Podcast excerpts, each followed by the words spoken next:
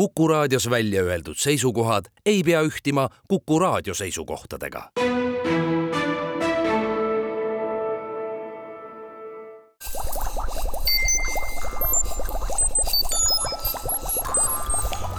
kukkuv õun head Kuku kuulajad, eelmisel nädalal oli uudistevoost leida üks huvitav uudis, millest me täna Kuku Õuna saates ka Andi Hektoriga, keemilise bioloogilise füüsika instituudi vanemteaduri ja osakeste füüsikuga ning müüontomograafiaga tegeleva ettevõtte G-Scan strateegiajuhiga ka räägime. mina, Marek Strandberg, saatejuht ja see uudis mis meid äh, külastas, ei olnud mitte midagi muud, kui teatati, et ilmselt vist võib-olla, kui veel veidi vaeva näha, on avastatud viies loodusjõud. ma saan aru, et iseenesest on see ju täiesti vapustav asi, et viies loodusjõud juures kuidas siis nii on läinud, et nelja ülejäänuga seda nähtust, mida müüonite puhul, mida sa kohe kirjeldad meile, mida, mida müüonite puhul avastati Ameerikas Illinois osariigis olevas Fermilabis, mida seal siis avastati ja miks arvatakse, et see on viies loodusjõud? nojah, et viiendast rääkida, võib-olla peaks need neli esimest ära Jaa, loendama. loomulikult, loendame need ka ära. ja et siis tekib kohe arusaamine, et miks, miks me, miks me seda võib-olla näinud ei ole, et no ma arvan, et iga inimene on kogenud gravitatsiooni, äh, ma vähemalt loodan, ja teine jõud, mida me igapäevaselt kogeme, on äh, noh, füüsikud ütlevad niimoodi pidulikult e elektromagnetism, aga see on elektrijõud ja magnetijõud, et nad on ühe sama jõud, kaks palet, aga üks, üks ja sama jõud ja neid me tõesti, magnetit on igaüks vast käes hoidnud, elektrit ma loodan, et väga ei ole saanud küll ei, ikka sõltub, kui õhk on kuiv, siis ju väike elektrostaatiline sähvatus käib ikka, kui mingisugusest ukselingist või millestki kinni võtta, et see on ju sama jõu osa. just, ja need, need juuksed lähevad püsti, kui on elektrit täis, noh, see on ka üks ilming sellest, et see on, see on niisugune kaugmõjuga jõud nii-öelda. Ja siis on kaksteist jõudu, mida võib-olla koolipäevad kooliajast nagu häguselt mäletate, üks on siis äh, tugev jõud ja teine on nõrk jõud. et nendel on natuke naljakad nimed ka ja need tõesti on sellised, mida me igapäevaelus tegelikult niimoodi nagu noh, ei koge oma, oma meeltega. aga mis põhjus sellel on, et nad mõjuvad äh, väga väikese mahemaa peale, et meil nagu isegi kui me näpuga surume vastu paberit, jääb sinna ikkagi nii palju ruumi vahele, et selle jõuni me ei küüni vist või? Just, just, et need on sellised jõud, mis mõjuvad väga lühikeste vahemaade vahel, et, et nad on tegelikult nagu nimigi ütleb, tugev jõud on väga tugev, ta on äh, elektrilistest ja magnetjõududest äh, tohutult palju tugevam, aga kuna ta mõjub nii väikestel distantsidel ainult, ta ei ulatu kaugele,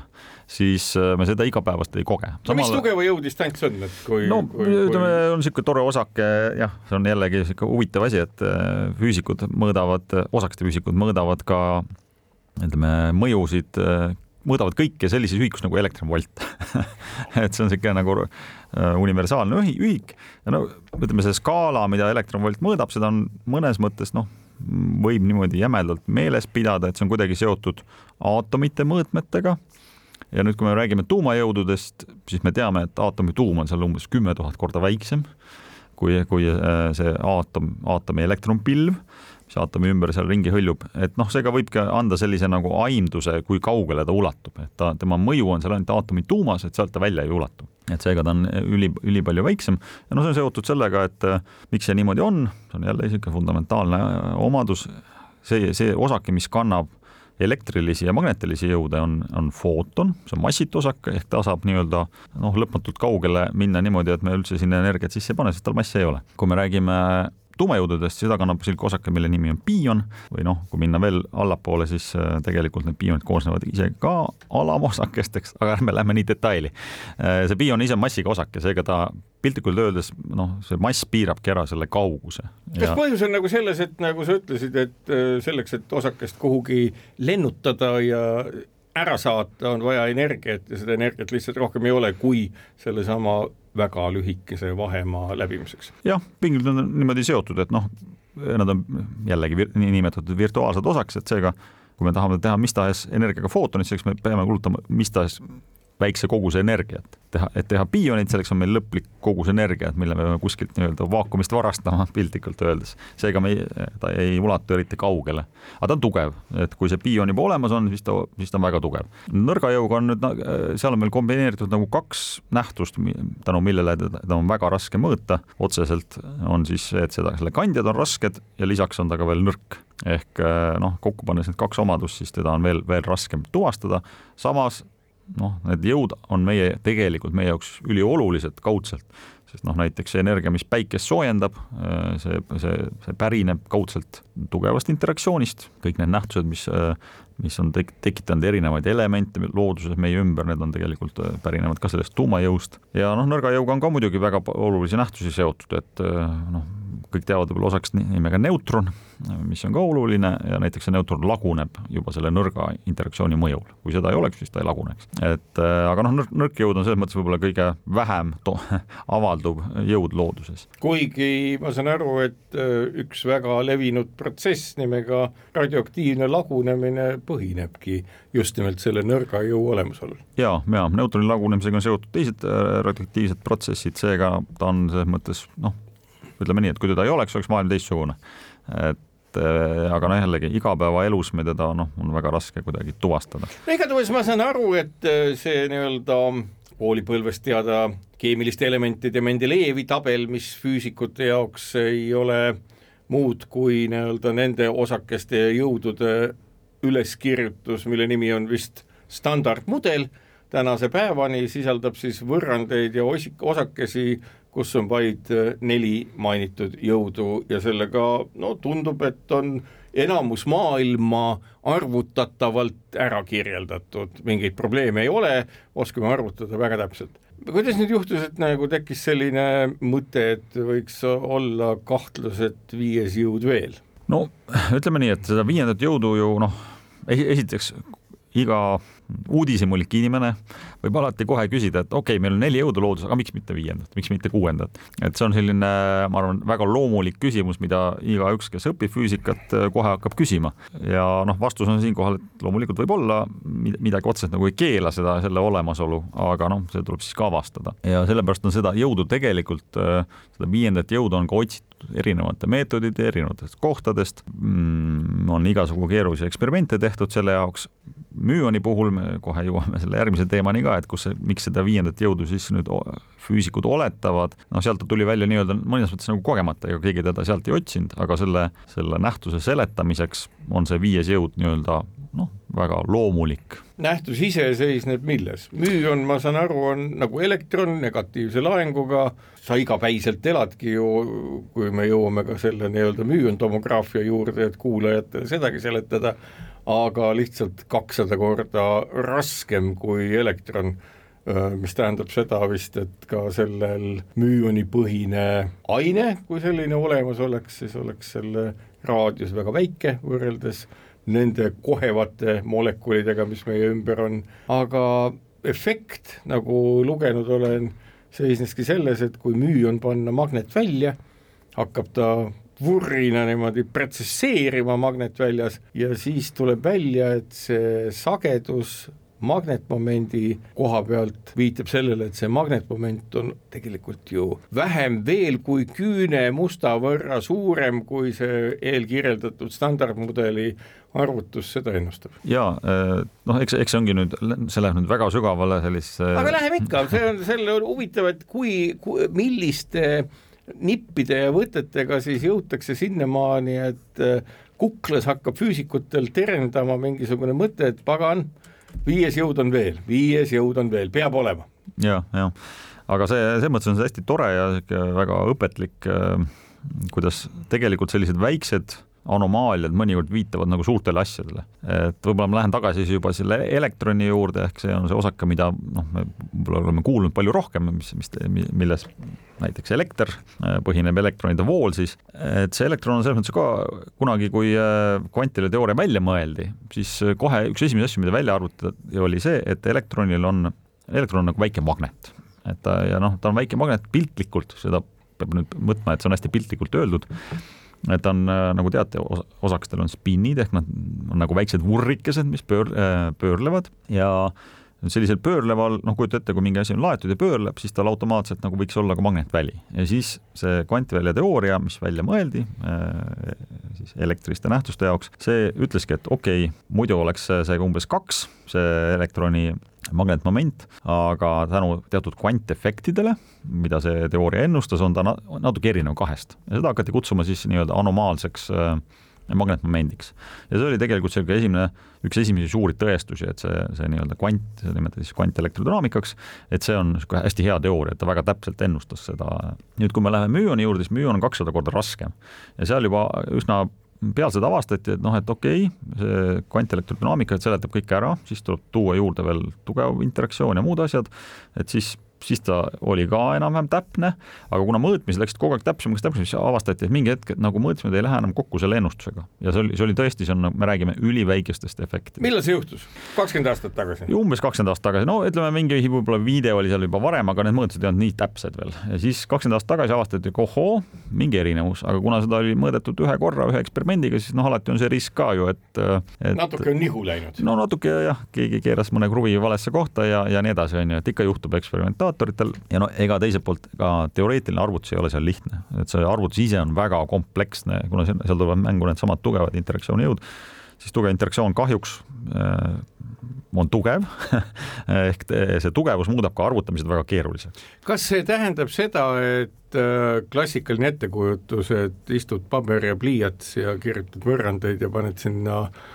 mingeid muutujaid ja väärtusi sisse, et see on tänasel päeval lootusetult ära unustatud ja seda tuleb teha siiski ainult arvutiga, et kuna vastupidisel juhul oleks see inimese elutöö ja, ja et äh, ma arvan, isegi vastupidisel juhul me ei suudaks seda välja noh, paberipliiatsi peale, vähemalt keegi ei ole siiamaani suutnud seda välja arvutada ja seda saabki arvutada ainult noh, ütleme mitte lihtsalt arvutitel numbriliselt arvutades, vaid tegelikult superarvutitel modelleerides. Ja see on selles äh, tugeva interaktsiooni üks suur selline noh, raske külg, et kui me kui meil on nõrgad interaktsioonid, siis seal saab kasutada niisugust toredat asja, mida, mida füüsikud nimetavad häiritusarvutuseks, ehk see nõrkus, interaktsiooni nõrkus muudab arvutamised lihtsaks. kui meil on tugev interaktsioon, siis seal vastupidi, seal noh, asjad kipuvad hästi kompleksseks minema, et me ei saa neid selliseid ilusaid matemaatilisi paberi peal arvutatavaid lahendusi kasutada, me peame võtma appi arvutid ja siis noh, nii-öelda otseselt kõik need valemid läbi arvutama numbriliselt, nii-öelda numbrid sisse pannes, mis tähendab seda, et need lähevad ülikeeruliseks, need arvutused, seal on vaja superarvuteid. Ja no seal, kuna tehakse ikkagi teatud lihtsustusi, siis no alati jääb niisugune küsimus, et kas see lihtsustus, mis sa suures superarvuti peal arvutades tegid, kas see nagu ei riku järsku seal midagi ära. ja noh, pannes need asjad nüüd kokku, siis noh, müoni puhul ongi, kuna need, kuna ta on nii massiivne, siis need tugeva interaktsiooni mõjud on seal arvutuses suured, et tuleb väga keeruliselt arvutada, siis noh, ongi nüüd selline olukord, kus me ühelt küll, ühest küljest näeme, et eksperimendid näevad nagu, et tulemus on erinev sellest, mis ennustatakse ja teisest küljest meil on ka väike ebakindlus ikkagi äh, nende arvutuste osas, kas need on õiged või valed. noh, ütleme, nad, nad on jällegi, enamuses on nad õiged, aga seal on teatud sellist natuke halli piirkonda nendes arvutustes, mille üle vaieldakse. siin teeme väikse vaheaja ja räägime hallidest piirkondadest müüoni puhul avalduvast uuest võimalikust loodusjõust pärast vaheaega edasi. kukkuv õun head kuulajad, Kuku Õun jätkub, külas Andi Hektor, Keemilise Bioloogilise Füüsika Instituudi vanemteadur ja müüonite kasutamisega tegeleva ettevõtte G-Scan strateegiajuht, mina saatejuht Marek Sandberg ja müüonitest ja uuest loodusjõust, mida arvatakse olevat avastatud, me ka kõneleme. kui ma su juttu kuulen, siis on ju küsimus tõepoolest selles, et mis siis on, et kui selles mahukas, mahukas arvutuses ongi äkki mingi väike näpukas ja kogu see tants käib selle ümber. et ette kujutada, mida see arvutus endast kujutab, kui suur on see algoritm, ma ei oska öelda, programmi ridades näiteks, mis on ilmselt äh, lihtsamalt ettekujutatav kui mingi muu asi ja nüüd ütleme, selle superarvuti poolt tehtavate tehete hulk või kulutatud aeg, mis kulub selle peale, et see magnetmomendi eeldatav, nii nagu loodus olema peab, arv välja arvutada ja, ja isegi kui öelda ausalt, ega ma siis nii täpselt ei tea ka, kuna ma ise neid arvutusi teinud ei ole, aga ma võin. aga kas sa suudaksid? noh, ütleme selle jaoks on jällegi tehtud tänapäeval nagu ikka eh, tarkvara nii-öelda ka nende superarvutite jaoks spetsiaalne tarkvara, mille peal siis neid arvutusi tehakse. ja selle arvutustarkvara üldine nimetus on, nimetatakse siis, siis need on kvantkromodünaamilised arvutused võrel ehk lätis QCD on see nii-öelda ingliskeelne nimetus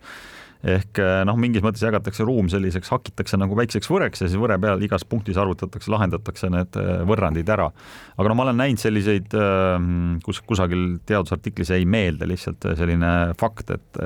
see oli siis umbes noh, ma ütlen seitse aastat tagasi, ma pakun hästi juupi, kus öeldi siis niimoodi, et et arvutada seda efekti me kulutasime maailma kõige võimsama superarvuti aega umbes kokku vist kuu aega et seda arvutada, noh, see annab võib-olla sellise aimduse, need su-, nagu need võib-olla kuulajad on näinud, need noh, superarvutid on ikkagi sellised terveid suuri hooneid täitvad suured seadmed, on ju, et, et sinna tõesti kulub. kümneid, kui mitte rohkem megavatte elektrit tarbivad, võrrelge seda oma näiteks laptopiga, mis on võib-olla viiskümmend või sada vatti. Jah, jah, no ma olen näinud, need suuremad arvutuskeskused tarbivad umbes sama palju elektrienergiat kui noh, ma ei tea, Pärnu või Tartu linn, et selles mõttes nad on ikkagi nagu väga ja kuu aega kujutame ette, et me ei, mitte ei küta Pärnut vaid meil on mingi superarvuti, mis arvutab selliseid asju. aga no see on, ütleme, superarvutite maailm veel lai, seal arvutatakse kõike alates sellest asjast kuni, kuni kliima, ilma ennustamise ja, ja maakera modelleerimiseni, et kõik need on sellised nii-öelda keerulised probleemid, mida ei saa paberi peal arvutada nii lihtsalt. ja nüüd äh, selle arvutuse puhul siis lihtsalt äh, asjaolu, et teooria tundub olevat täpne, senised arvutused, nagu ma saan aru, muude eksperimentide puhul on osutunud täpsed? jah, üsna täpseteks, et jällegi küsimus on selles äh, nii-öelda võre äh, tugeva interaktsiooni või tugeva jõu arvutustes, et seal äh, jällegi, kui sa erinevaid asju arvutad, siis kasutatakse nagu erinevaid meetodeid, kuidas seda arvutust kiiremaks teha. Ja no siis on jälle küsimus see, et kas need kõik on täpsed, et kui me, kui me mõõdame näiteks teatud teisi efekte looduses, kasutame sedasama tarkvara sisuliselt, aga me natuke ikkagi muudame midagi. Ja nüüd ütleme, et kui me neid parameetreid natuke teistmoodi muudame, et siis me arutame müoni omadusi, et kas seal ei teki mingid probleemid, noh selle üle vaie-, no ma ütlen, selle ala eksperdid on aastakümneid vaielnud ja noh, olles mitteekspert, on isegi raske seal kuidagi kaasa mõelda ja kaasa rääkida, sest need asjad lähevad väga-väga tehniliseks hästi kiiresti. oskad sa umbes hinnata, et kui palju võiks olla maailmas inimesi, kelle väited selle kohta, et need arvutused on täpselt paika peavad ja kas üldse sellise teaduse puhul me saame äh, noh, loota selle peale, et keegi kuidagi üle kontrollib või me peame lootma ikkagi selle peale, et kvalifikatsioon, usaldus ja teaduslik ausus on see, mis tõenäoliselt selle arvu välja toob no nüüd me läheme juba sellise libedale teele, aga. ei, see libe tee on oluline, sellepärast et meil on siin praegu ühiskonnas ka ju teadusega küll, mitte ja füüsikaga, vaid sotsiaalteadustega seotud libedaid teid näha ju küll. ja ei, see on väga põnev. jah, ega tegelikult nii ongi, et kui, kui me ütleme ausalt, siis on väga, teaduses on väga palju arvutusi, mida teevadki võib-olla maailmas ongi üks ekspert ja sest noh, tänapäeva teadlased on ikkagi väga-väga spetsialiseerunud. aga siin on jällegi selline huvitav sihuke jällegi kontrollimehhanism, et kui see üks teadlane teeb mingeid arvutusi, mis ei ole, mis ei paku, ütleme teistele väga palju huvi. ta ongi hästi spetsialiseerunud, uurib oma väga spetsiifilist asja, noh siis kedagi aga väga ei huvita, kas need on, kas need arvutused on õiged või ei ole, on ju, piltlikult öeldes. nüüd, kui me lähme kui see muutub millegipärast väga oluliseks, see arvutus, et selle põhjal hakatakse, ma ei tea, ilma ennustama, kliima soojenemist, siis tekib sinna juurde väga palju teisi teadlasi, kes tahavad kohe kontrollida seda. ehk seega see on selline enesekontrolli mehhanism, et kui mingi asi mingi tekitab küsimusi palju, on, on põnev, on oluline, siis sinna tuleb kohe, voolab inimesi juurde, kes hakkavad seda kontrollima, aga noh, rääkides sellest müüoni magnetomomendist, siis see ei olegi viiendast loodusjõust. jah, ehk viiendast loodusjõust, siis ütleme ausalt, et noh, see ei ole selline asi, mille üle mm, miljonid inimesed kogu aeg mõtlevad. kuigi, kuigi teistpidi, kui nii mõelda, siis teema on ju atraktiivne kas või ses mõttes, et noh, ma ei ütle, et iga teadlane ärkab hommikul üles mõttega, millal ma võiks ja mille eest Nobeli teaduspreemia saada, aga ennusta, kas selle jõu avastamine võib sinna viia? no kui sa niimoodi küsid, siis kui nad nüüd avastavadki viienda jõu, siis noh, see garanteerib kindlasti Nobeli, seal ei ole nagu mitte mingit kahtlust ja sealt tuleb terve, ma arvan, terve mitu Nobelit, selles mõttes, et saavad eksperimentaatorid, saavad võib-olla mõned teoreetikud, kes selle aitasid arvutada, et selles mõttes ta on tõesti oluline asi, sest sellist asja, et me avastame uue jõu, ei ole tükk, tükk aega juhtunud. Samas noh, nii-öelda ega ju selline avastus Nobeli terendamine kusagil horisondi taga, see ju võib ometi tekitada selliseid impulsse, mis paneb ütlema, et mina ja just mina ja just see on õige, et hetkeliselt, kui tekib selline ahvatlev ja tähelepanu tekitav motivatsioon, muutuvad ka teadlased ikkagi vahel inimesteks. ja, ja kindlasti see, et noh, teadlase, ma arvan, teaduse olemus ise eeldab seda, et me ei, ei saa sada protsenti usaldada ühte inimest selles süsteemis, et, et seega minu käest ka tihti küsitakse sellist nagu arvamust, et kuule, et seal oli teadusartikkel, et ähm, ütle, kas see on tõsi või mitte. ja, ja noh, esiteks mina väljapool olijana ei noh, see nõuaks kuid ja aastaid võib-olla, et mõnda asja järgi kontrollida ise nii-öelda ka paberi peal, noh rääkimata sellest, kui taga on suur labor, kus tuleks kõiki asju korrata. et äh, selles mõttes peab, peab inimene nii-öelda tänavalt aru saama seda, kui ühes teadusartiklis midagi mainitakse siis see ei ole absoluutne tõde. selleks, et teaduslik tõde tekiks, selleks tegelikult meil on vaja terve noh, rida teadusartikleid ehk, ehk meil on vaja palju teadlasi, peab seda asja uuesti läbi nämmutama, uuesti kontrollima ja sealt tuleb see nii-öelda noh, teaduslik tõde välja, mitte ühest, ühest sellisest. ja vaatamata sellele on teadusliku tõe nagu fundamentaalne omadus see, et see on, see on ajutine ja on olnud alati ajutine ja vaid väike osa sellest faktoloogiast jääb kestma pikemalt jah, jah, kuigi seal tuleb ka öelda, et, teaduslik tõde on selles mõttes nagu naljakas, on noh, ma olen seda ise võrrelnud sellise kummipalli või kummilindiga, et, et ta kunagi päris katki ei lähe. et teda venitatakse igatpidi natuke nagu paremasse vormi, ta sisuliselt me nagu voolime sellest järjest täpsemat äh, asja välja ja noh, vahel harva juhtub see, et on ka täiesti mööda pandud. aga enamasti vähemalt füüsikas kehtib selline noh, reegel, et üldiselt me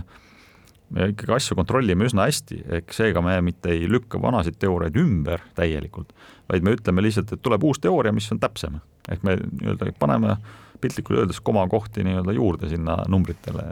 et kui meil tuli, kui meil kunagi oli äh, noh, võtame Newtoni teooria, väga ilus teooria, siiamaani tegelikult kõik satelliidi äh, kosmoses, kosmoses praktiliselt kõik asjad saab arvutada välja, liikumised päikesesüsteemis saab välja arvutada tegelikult sellesama Newtoni teooriaga, meil praktiliselt ei ole vaja seda äh, paremat teooriat, aga tuli üldreediusteooria, mis pani sinna mõned komakohad juurde ja noh, tõepoolest teatud kohtades, kus on ülitäpselt vaja arvutada, on see oluline. Äh, aga ta seesama vana teooria kehtib ikka edasi, lihtsalt sinna noh, teatud piirides, me peame jääma sellistesse, sellistesse piiridesse, kus me ei lähe väga täpseks. siinkohal teeme saatesse väikese pausi ja räägime uuest loodusjõust pärast väikest vaheaega edasi.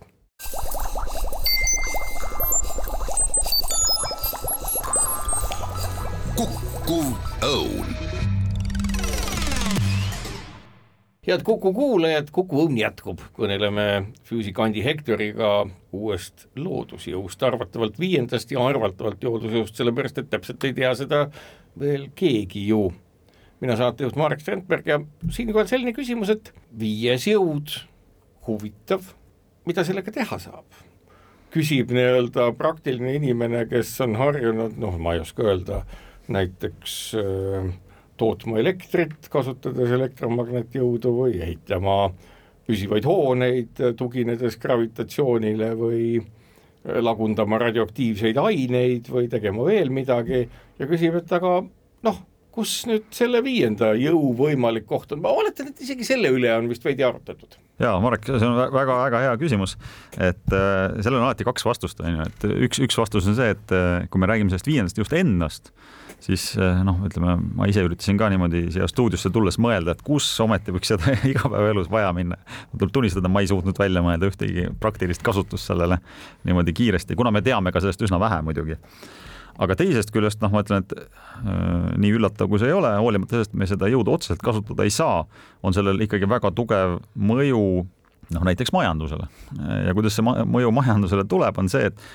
et selliseid eksperimente teha Äh, noh, meie ettevõte tegeleb müünitega, tegeleb looduslike müünitega, aga näiteks selles konkreetses eksperimendis töötatakse välja väga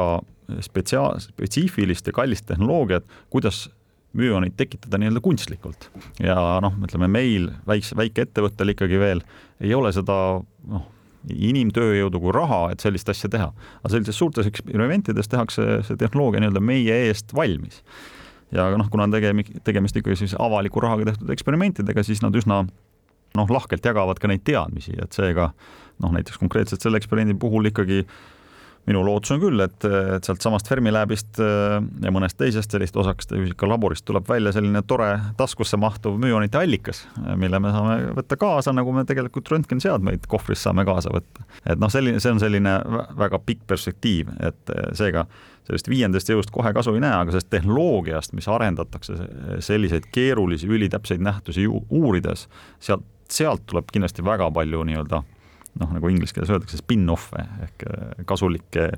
teadmisi, kasulikke leiutisi ja ka tarki, tarku inimesi, kes hakkavad neid ellu viima. ei, ma just mõtlengi seda, et kui on faktiliselt teada, et selline jõud on olemas, siis ju tõenäoliselt kõikvõimalikud karvased ja sulelised ettevõtjatena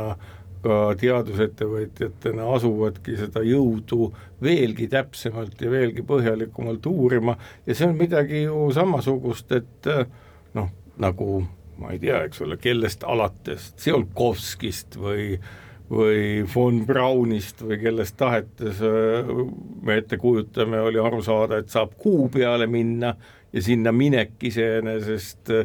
vallandas terve kaskaadi tehnoloogiate arenguid. Kas see on midagi samasugust, et näete, siin on uus jõud,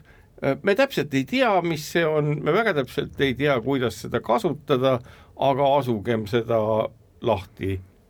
urgitsema ja vaatama, kus selle koht. Jah, kindlasti ta on nagu, nagu uudishimu on ikkagi selline suunav jõud, et kui kuskil midagi toimub, siis noh, et paratamatult inimesed, nii-öelda teised, ka teised teadlased lähevad seda asja uurima tekivad äh, tehnoloogiad, millega seda paremini uurida, et noh, ma ütleks, et äh, üritades kiiresti praegu mõelda, et kus sellised näited on, siis noh, ma tahtmata olla egoist ja rääkida ainult füüsikast, siis noh, võtame näiteks geneetika on ju, et kus, mis oli väga abstraktne ja väga selline noh, elukauge teoreetiline bioloogia äh, kuni aastani noh, jämedalt öeldes viiskümmend, ütleme kus siis saadi aru, kuidas see molekulaarmehhanismid toimivad, aga siiski, siiski ta oli alguses teooria, aga sinna voolas palju inimesi juurde, kes tahtsid aru saada, kuidas, kuidas seda seal mängumaal nii-öelda toimetada selles teadusvaldkonnas. Ja noh, siis tuli välja juba selline praktilisem geenitehnoloogia, õpiti geene, geenidega manipuleerima.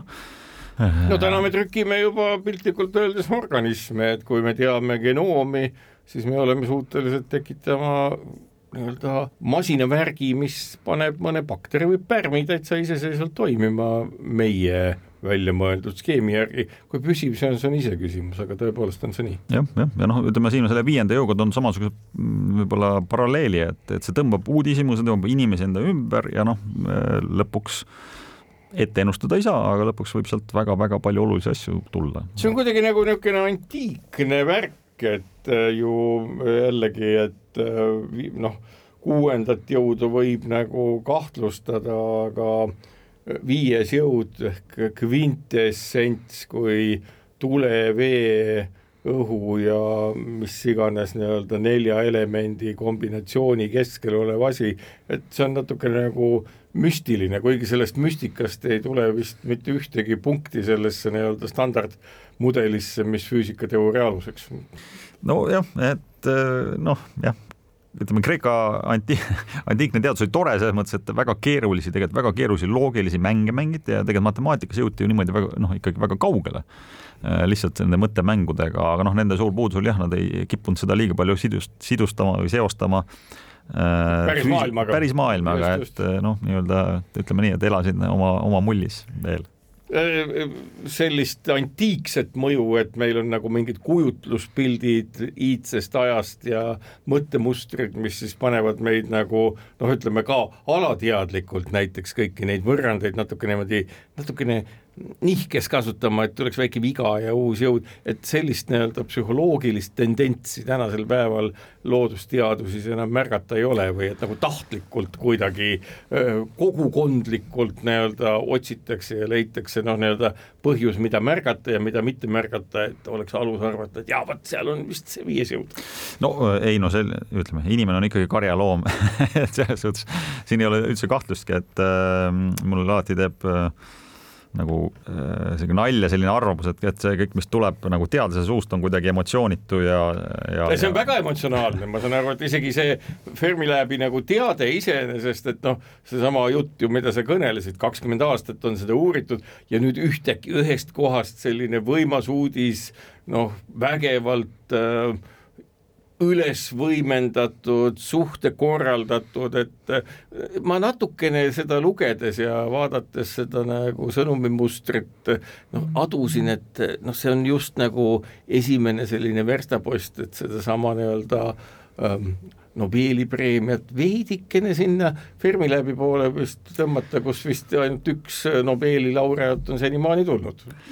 oi, ma peast ei julge öeldagi, aga noh, kindlasti on see, et ah, noh, kui asi, jutt käib ikkagi ameeriklastest, siis noh, ameeriklased selles mõttes noh, ma ei tea, minu arust võiks neist nagu õppida, et kui nad midagi oskavad väga hästi, siis on see müümine. Ja kaasa arvatud teadustulemuste müümine. Ja ma olen alati nagu võrrelnud, et ähm, tegelikult on Euroopas palju rohkem osakeste ühikuid kui Ameerikas, aga kui toimub konverents ka Euroopas, osakeste ühiskonna konverents, siis noh, ameeriklased domineerivad seal. tulevad staarid kas nad on, kas nad on staarid nagu ainult nagu kommunikatsiooni mõttes või seal on ka sõnum, mis äh, paneb piltlikult öeldes äh, suid lahti vajuma? seal on ka, seal on ka sisu, selles mõttes ma ei, üldse ei ütle, aga seal on ka see, et nad oskavad konsistentselt, nad on läbi mõelnud, kuidas sõnumeid edastada ja neil on noh, ütleme kultuuriliselt juba see selline sisse kasvanud niisugune sõnumite edastamine ja noh, Äh, ütleme, kui teadusmaailmas on see oluline, siis noh, kui me läheme ärisse või, või teistesse nii-öelda noh, mida inimesed ka usuvad, et äri, usutakse ju, et ärimaailm on ka ratsionaalne. aga kui me läheme ja mis on nagu tänasel päeval ju kindlasti totaalselt ümber lükatud, kas või Daniel Kahnemani arvukate töödega just nimelt selles osas, et inimesed, nagu ta on ise öelnud, võttes oma tööd kokku vähem kui minutiga inimesed ei tee seda, mida nad arvavad ja väidavad, et nad teevad. jah, kindlasti, et noh, mina, ise võrdleks seda sellise olukorraga, et, et see seal on ratsionaalne sisu, see on nagu ütleme, skelett on ratsionaalne, sinna peale on pandud nii-öelda emotsioonide ja, ja, ja muude nähtuste virvarr, et, et ratsionaalsus on olemas kusagil, aga, aga no sinna seal peal on palju muid asju, muid kihte ja noh, need kiputakse nagu ära unustama. ma nüüd tulen tagasi ikkagi sellesama müüonite juurde, et eh, noh, kuidas saab siis olla niimoodi, et ma oletan, et eks see jõud, kui selline olemas on, mõjutab ka äh, miskit muud peale müüonite, kuidas nende müüonite otsa siis kukuti või, või mismoodi nüüd ühtäkki me räägime müüonitest, aga mitte elektronidest või mõnedest muudest laetud osakestest, mille suhtes ju võib oletada see kummane jõud samamoodi võiks ju mingit asja teha ja seda enam, et kui kuulda, kui keeruline on müüonite magnetmomendi arvutamine, täiesti paberi ja pliiatsiga mittetehtav töö siis miks müü? ja eh, no üks, üks suur põhjus on seal taga ikkagi see mass, et eh, müün on kakssada korda raskem kui elektron ja no on füüsikas on sellised väga, ütleme kvantvälia teoorias on väga üldised argumendid, mis ütlevad, et kui kusagil on mingid jõud, mis on noh, ütleme piiratud massidega, nagu on tugev interaktsioon ja, ja nõrk interaktsioon, siis mida massiivsem on osake, seda noh, lihtsam on temaga nii-öelda tuvastada seda jõudu. ehk no see on väga niisugune ratsionaalne ja lihtne argument, ehk mida raskem osake, seda, seda liht-, seda rohkem ta allub nendele, sellele no müüoneist on ju veel raskemaid osakesi. ja, ja nüüd on ja täpselt, müüoneist on veel raskemaid osakesi, aga seal tekivad juba sellised probleemid, et äh, noh, enamus neist osakestest on veel ebastabiilsemad, neid on veel raskem tekitada, et müün on, kuigi müün elab ka ainult, ainult äh, noh, jämedalt miljondiku sekundist, siis äh, noh, miljondik sekund valguskiirus on ikka piisavalt, sellega saab üsna palju asju ära teha, enne kui ta ära laguneb. võtame näiteks tauleptoni, siis noh, see laguneb juba nii kiiresti, et noh, temaga midagi praktilist ja tema tekitamine on väga keeruline tema välja, välja nii-öelda puhastamine äh, teistest osakestest on niivõrd keeruline, et sellega ei ole lootust midagi teha, vähemalt lähiajal ja kui me võtame jällegi sellised rasked osakesed nagu prooton, noh siis need on komposiitsed osakesed, need koosnevad nii-öelda kvarkidest ehk seal ehk et nad ei ole elementaarosakesed? Nad ei ole elementaarosakesed ja seal juba selliste arvutuste läbiviimine on noh, kui müoni puhul on see raske, siis sellise osakese puhul on see nagu lootusetu siinkohal teeme saatesse väikse pausi ja räägime müonitest ja uuest jõust, mida kahtlustatakse looduses olemas olevat pärast väikest vaheaega edasi. kukkuv õun head kuulajad, Kuku Õun jätkub, külas Andi Hektor, osakeste füüsik ja Müün tomograafia ettevõtte G-Scan strateegiajuht, mina saatejuht Marek Strandberg. nüüd kui tuleme sellesama sinu äritegevuse juurde või noh, ütleme äri see ilmselt äh, veel niipea ei ole, kõvasti on vaja arendust teha. nüüd kui palju näiteks seesama müüntomograafia, sa juba natukene mainisid, et äh, igasugu huvitavaid uusi masinaid võib uue jõu otsides äh, turule ja kasutusse tulla, mis ka müüntomograafia olukorda parandavad. milline see tänane G-scan'i seis oli, mis ju mõni aasta tagasi tegi ikka väga väikest pilti, mis teie tänane seis on? ja no ära sa räägi, selles mõttes, et meil on esimesed äriprojektid täiesti olemas, tegelikult esimese äriprojekti lepingu kirjutasime alla juba eelmise aasta lõpus ja, ja see algab ja see käib ja minu, mul on nagu eriti hea meel, et see esimene projekt toimub Eestis. et, et see on siis äh, Paldiskis asuvate vanade tuumareaktorite läbivalgustamine ja et noh, Müün on selles mõttes ongi huvitav osake, et et on, kuna ta on elektronist raskem, siis ta läbistab noh, väga-väga nii-öelda pakse materjalikihte, et teda võib ka kümnest meetrist terasest läbi lasta niimoodi, et ta ainult väga väike osa neist neeldub. Ja samas nad kannavad väga palju infot välja, nii et eh, tõesti sellised esimene koht, kus müoneid nii-öelda massiliselt, müontehnoloogiat massiliselt kasutada, ongi noh, meie nägemuses on äh, sellised suured objektid, kuhu ei saa sisse minna, aga me tahame. ma saan aru, et seal Paldiskis ongi see seis, et äh, Vene sõjavägi läks minema, valas mingisugused äh, vanad äh, reaktorid ja allveelaeva korpused betooni täis ja mitte keegi ei tea, mis seal sees on, läbi seda valgustada ühegi röntgenaparaadiga ei saa ja mida siis teie teete? lasete kosmilistel kiirtel, mis taabuvad maale niikuinii kusagil seal kõrgatmosfääris müüoneid tekitada ja selle müüoni vihma siis hajumist äh, püüate kinni ja püüate aru saada, mis täpselt seal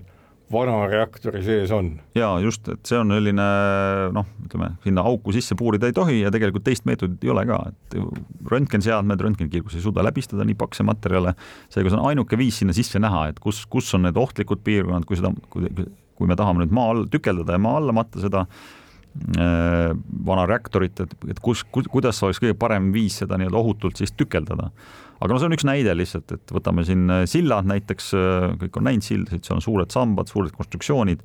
väga tahaks teada, kas see konstruktsioon veel noh, kümme aastat vastu pead või kukub sild kokku, on ju, et see on suur küsimus ja see on ka äriline küsimus jällegi tehnoloogiat ei ole, et selliste suurte asjade sisse vaadata. küsin selle reaktori kohta, et ma saan aru, kui kunagi siin kevade poole vestlesime, et see tehnoloogia täna on niisugune ajamahukas ja andmete kogumine võtab aega, kui selge pildi te tänaseks olete kätte saanud, millise aja jooksul, pool aastat või veidi enam vist on andmeid kogutud? jaa, no veel esimene mõõtmine hakkas pihta juba, ma peast ütlen praegu, ma arvan, et aprillis, kui ma nüüd mööda ei pane, ja noh, kuna seal on kaks reaktorit, seal on ka muidugi niisugused rasked tingimused, et väga hästi ligi ei pääse, me väga suure süsteemiga ei saa mõõta seal, siis noh, jämedalt ütleme noh, neli kuud on niisugust neli-viis kuud on niisugust mõõtmisaega olnud. et see on nojah, ütleme pikk aeg, samal ajal me näeme juba seal üsna, üsna detailselt äh, mõningaid komponente seal sees ka, ka keemilist koostist. no selles, selles konkreetselt seda nimetatakse nii-öelda radiograafiliseks meetodiks, seal keemilist koostist väga hästi ei näe, et seal näeb, äh, seal näeb pigem ikkagi seda, kui tihe on materjal. kui me tahame keemilist koostist äh, määrata, siis meil on vaja niinimetatud hajumisefektil põhinevat süsteemi, ehk meil on vaja ära mõõta ka sissetulev kiirgus. ehk seal on meil vaja kahte plaati, mis üks, üks detektorisüsteem, süsteem, mis mõõdab ära sissetuleva kiirguse, teine, mis mõõdab ära välja mineva kiirguse. et noh, selliseid süsteeme on meil ka üks, üks valmis juba ja, ja me lähme siin noh, lähinädalatel äh, Inglismaale mõõtma ühte, ühte nii-öelda silla, sild, sildadega seotud objekti. seal meil on juba noh, ütleme nagu võib-olla kuulaja teab, siis raudbetoonis on selline keemiline protsess, mis on väga oluline, see on siis selle metallist sarruse või tugistruktuuri roostetamine seal sees. ja vot seal on oluline näha, kui, kui oksudeerunud need äh, terasvardad seal betooni sees on. milline selle masina mm, nägemistäpsus, no ütleme, ruumilise lahutuse mõttes on, et kui me laseme endast teha mingisuguse tuumamagnetresonants või röntgentomogrammi, siis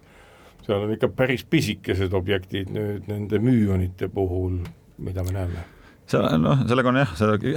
hästi tihti küsitakse, ma alati ütlen, et sellele on nagu raske vastata, et see sõltub, kui palju aega meil on. et neli kuud, pikk aeg. ja neli kuud, pikk aeg täpselt, et ehk tegelikult on see seotud sellega, palju läheb igast sellest mõõdetud piirkonnast läbi neid müüoneid, mida me saame mõõta. Ehk noh, teoreetiliselt või noh, mitte teoreetiliselt, me teame, et igast ruutsentimeetrist või ütleme, võtame ruutmeetri, igast ruutmeetrist läheb minutis läbi kümme tuhat müüonit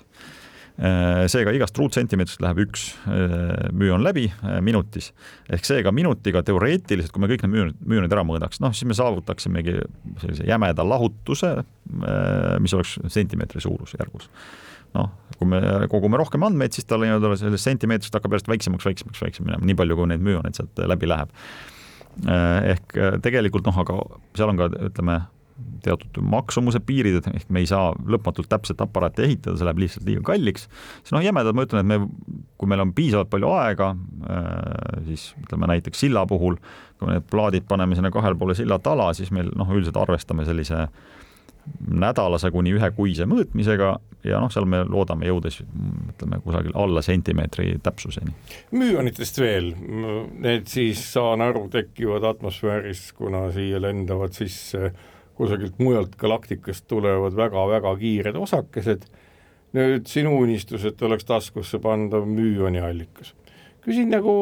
selle koha pealt, et no ma saan aru, et kuna see on siin maa peal müüonite tekke täpselt selle kiirusega, nagu just mainisid, olnud ju miljardeid aastaid, siis ma saan aru, elu on kuidagi ära harjunud, et kord minutis, sekundis saadakse nii paljude müüonitega pihta ja kogu lugu. Nüüd kui see sagedus kasvab, kas äh, müüonid iseenesest radioaktiivse kiirgusena, tõenäoliselt ka natukene ioniseeriva kiirgusena, võivad endast ka elule ohtu kujutada, kui nende sagedus kasvab? ja, ja loomulikult nad on ju tegelikult äh, noh, laetud osakesed ja, ja samamoodi kui me teame, et elektron, kui elektronil oleks liiga palju äh, nii-öelda meid pommitamas, siis nad mingi, mingi piirini on nad ohutud ja siis mingist hetkest lähevad nad ju väga ohtlikuks. ehk äh, müünite puhul noh, võibki niimoodi mõelda, jämedalt me teame, et noh, looduses kõigub tegelikult kiirgusfoon võib olla kuni noh, kui te lähete Eestis ka mõnesse keldrisse näiteks, kus on selline äh, radooni rohkem sisse tuleb, siis seal võib olla tegelikult looduslik kiirgusfoon keskmisest foonist ligi sada, viissada korda kõrgem äh, foon mis tähendab seda tegelikult, et ka kui me nüüd teislikke müüoneid tekitame, siis kui, kui me läheme ka viissada korda kõrgemaks nii-öelda selle vooga, siis eh, noh, see jääb veel nagu kiirguse mõttes inimesele ohutuks. Aga loomulikult, kui me läheme veel edasi, siis, siis tuleb hakata rakendama neid samu piiranguid nagu röntgenikiirguse puhul. et, eh, et see noh, sellist teatud müüonite hulgast tuleb öelda, et okei okay,, nüüd on vaja siis spetsiaalselt luba saada, kiirgusluba, eh, ja siis võib inimest kiiritada näiteks teatud aja jooksul ainult, kui ta on nagu röntgeniga, et sellist hakkavad, tulevad mängu sellised ohutusreeglid. aga noh, müüonite suur eelis on ikkagi see, et me suudame neid ükshaaval näha. röntgeniseadme suur nagu miinus on selles, et me ükshaaval neid röntgenosakesi seal ei mõõta ei suuda, et röntgendetektorid on väga noh, madala tundlikkusega, ehk me kaotame tegelikult väga palju äh, sellest signaalist ära, siis müünite puhul me tõesti saame ükshaaval neid mõõta, sest laetud osakese mõõtmine on väga palju täpsem ja lihtsam täna ütleme müüoni allikas, mis endast kujutab ilmselt mingit kiirendit kombinatsioonis veel millegagi, kui suur see on? Noh, ütleme selline müünallikas, mis meile huvi pakuks, ma võin kohe öelda, et ma käisin Hamburgis, seal on niisugune tore labor, osakestevüske labor, mille nimi on DESI, kus tehakse igasugu vahvaid eksperimente, mis on enamasti väga praktilised, nad teevad seal bioloogia jaoks eksperimente, materjalide jaotuse jaoks ja see müün allikas, mis neil seal on, see on umbes kolmsada meetrit pikk kiirendi ah,. noh, niisugune pikk, mitte väga lai hoone, et et aga ikkagi suur, et taskusse seda ei pane ja mobiilseks vist isegi ei tee. ja mobiilseks, mobiilseks kuidagi ei tee, et ta vajab ikkagi väga stabiilset keskkonda, ta on niisugune pooleldi maa all või niisuguses raskes hoones. noh, hea uudis on see, et sealsamas TESis arendatakse tehnoloogiaid, neid kutsutakse siis plasmakiirenditeks või plasma, plasmalainekiirenditeks ja seal on jällegi äh, noh, on hinnatud, et seal mahub, mahub see kiirendi ise ära no ütleme mõne sentimeetri sisse. Aga noh, seal on jällegi vaja väga võimast laserisüsteemi, mis, mis nõuab ikkagi ruumi, et noh, niisugune jäme hinnang on see, et võib-olla viie kuni kümne aasta pärast näeme me selliseid merekonteineri suuruseid äh, seadmeid, mis on noh, selles mõttes mobiilsed, et need saab tõsta juba siis äh, nii-öelda rekka peale ja neid kuhugi toimetada. Ja noh, nendega saab siis piisavalt palju müoneid, et et läbi valgustada suuri raskeid sõidukeid, inimesi, meditsiinis kasutada, aga noh, jällegi teatud inimeste unistus on teha veel võimsamaid allikaid, millega, kui jällegi sa juba küsisid seda, et kas ta on ohtlik, siis tegelikult kui müonite kimp teha või müoni kiirgus teha piisavalt intensiivseks, siis võib ta näiteks segada elektroonikat. Ja noh, see pakub, ütleme, kaitsetööstusele väga suurt huvi, et teha selliseid müonkahureid, millega saaks siis droo-, alates droonidest kuni noh, ka miks mitte rakettideni nii-öelda elektroonika nii ära segada, et see rakett lihtsalt kukub alla viiendast loodusjõust äh, võib siin abi olla. No loodame. Igal juhul on välja öeldud, et äkki kunagi järgmisel aastal saadakse arvutusi ja katseid tehes selle jõu kohta täpne kinnitus, kas selle kinnituse toovad meile Fermilaabi inimesed või kusagilt mujalt. igal juhul sellega on Kuku Õunasaade läbi, aitäh, Andi Hektor, tulemast kõnelema müüoneist ja viiendast loodusjõust. Ja kaunist päeva teile!